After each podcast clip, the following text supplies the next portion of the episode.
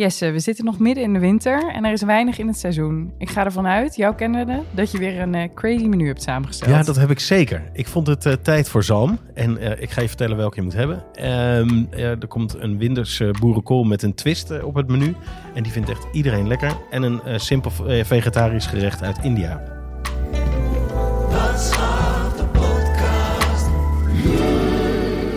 Klinkt heel goed. Over welke gerechten hebben we het allemaal? Eh, we hebben het over geroosterde zalm met eh, soja honingsaus. eh boerenkoolstampot met eh chorizo, piment en gebakken uitjes. En een tarkadaal met naan.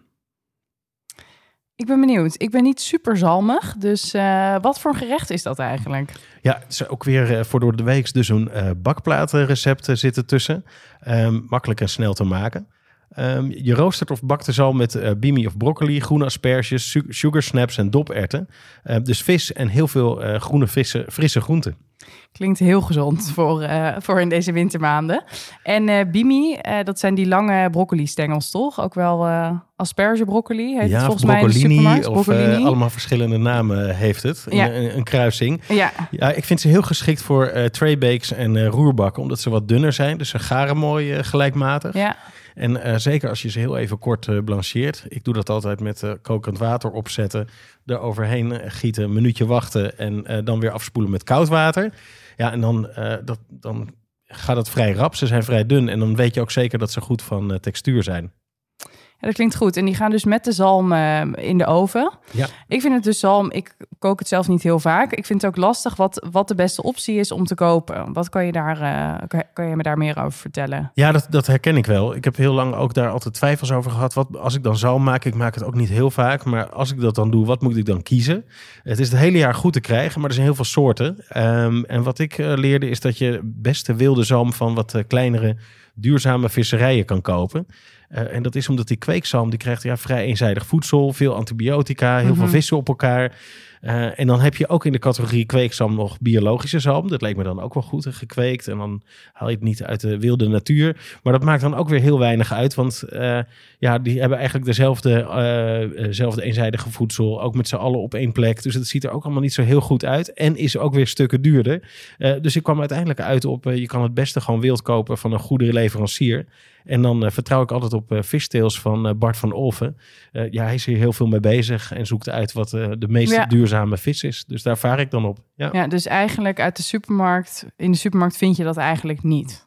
Nee, moeilijk. Moeilijk. Ja, ja, Ja. of bestellen. Crisp heeft goede eh, dingen. Ja, Online kun je dingen eh, vinden. De betere visboer. Ja, ik vind wel als je dan een keer zalm maakt, dan eh, moet je de goede keuze Ja, maken. ja, dan kan je dus in dit geval beter voor een, eh, voor een wilde, wilde zalm gaan. Absoluut. Ja. Nou, vertel eens, eh, hoe bereid je de zalm eh, in dit gerecht? Ja, je schikt eerst die eh bimi of, of broccoli als je dat hebt. Dat kan ook best. Dan moet je het alleen nog iets langer blancheren. Eh, groene asperges, de sugar snaps, de doperwten, die doe je allemaal in, eh, in de traybake. Dan eh, een eh, saus daarover van sojasaus, honing en sesamolie, soort van marinade. En eh, dat gaat 25 minuutjes in de oven. Zalmgaar betekent de rest ook gaar. Eh, en dan in de tussentijd maak je een dressing met wat gember, limoensap en wat sesamolie en lenteui voor de frissigheid. Lekker. En daarmee maak je het gerecht af als het uit de oven komt. Ja, ik geloof zo dat je met gember, limoen, sesam, dat je ook het hele boel bij elkaar brengt op de Absoluut. Ja, bakplaat. dat, qua smaken lijmt dat de boel mooi Ja. aan elkaar. Ja. Ja, nou, klinkt, klinkt heel goed.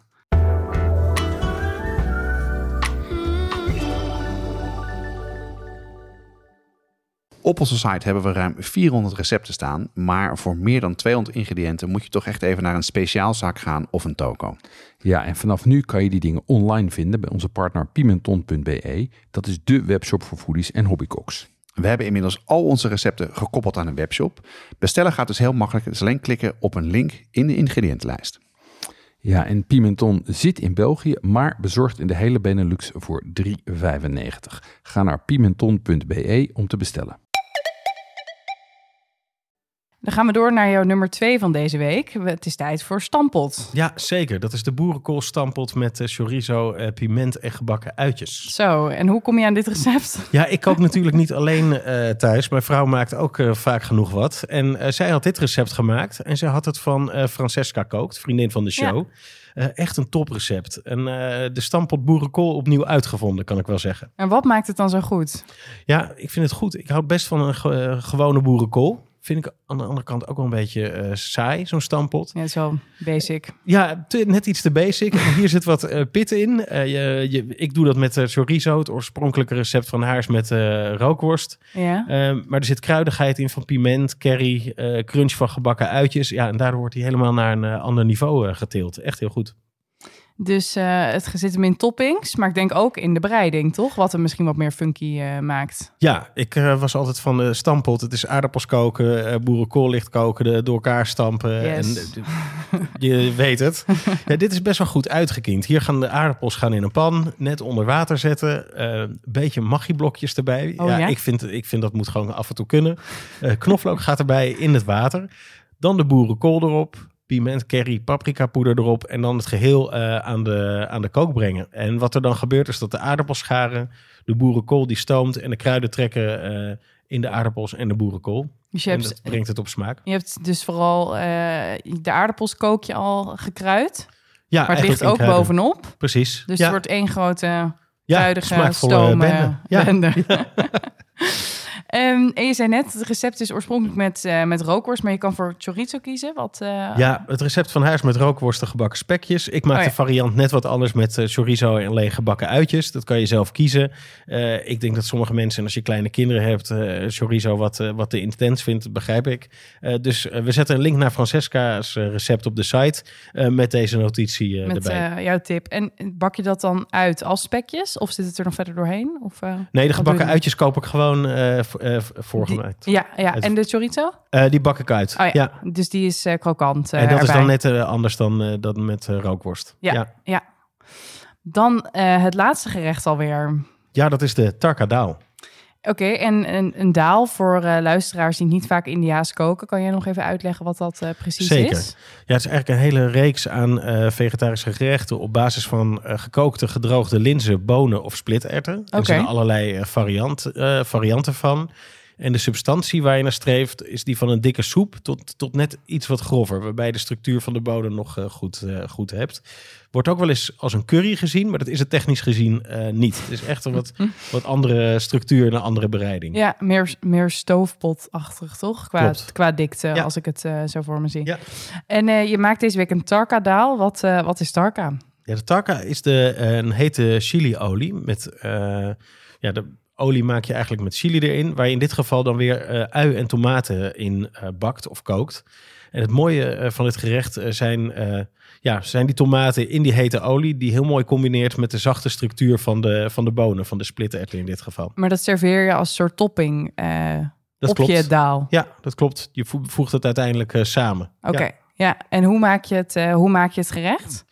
Je kookt eerst eh, de erwten ongeveer een half uurtje met eh, kurkuma en eh, gember. Dan heb je inderdaad die dikke soep die je net al ja, ja. beschrijft, vrij grof.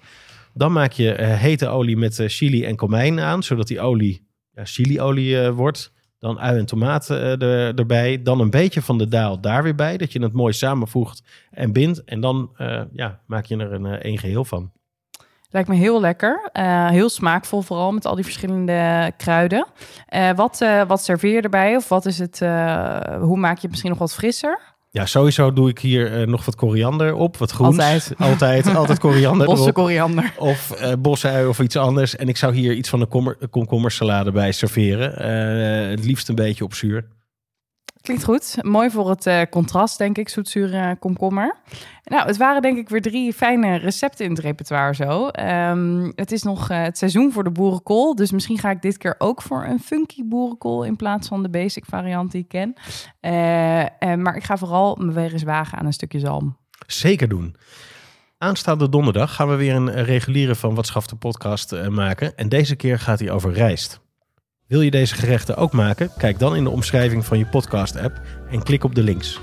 Dit is een productie van Wat Schaft de podcast. En deze week hoorde je Jesse Burkunk en mij, Anita Hazelaar.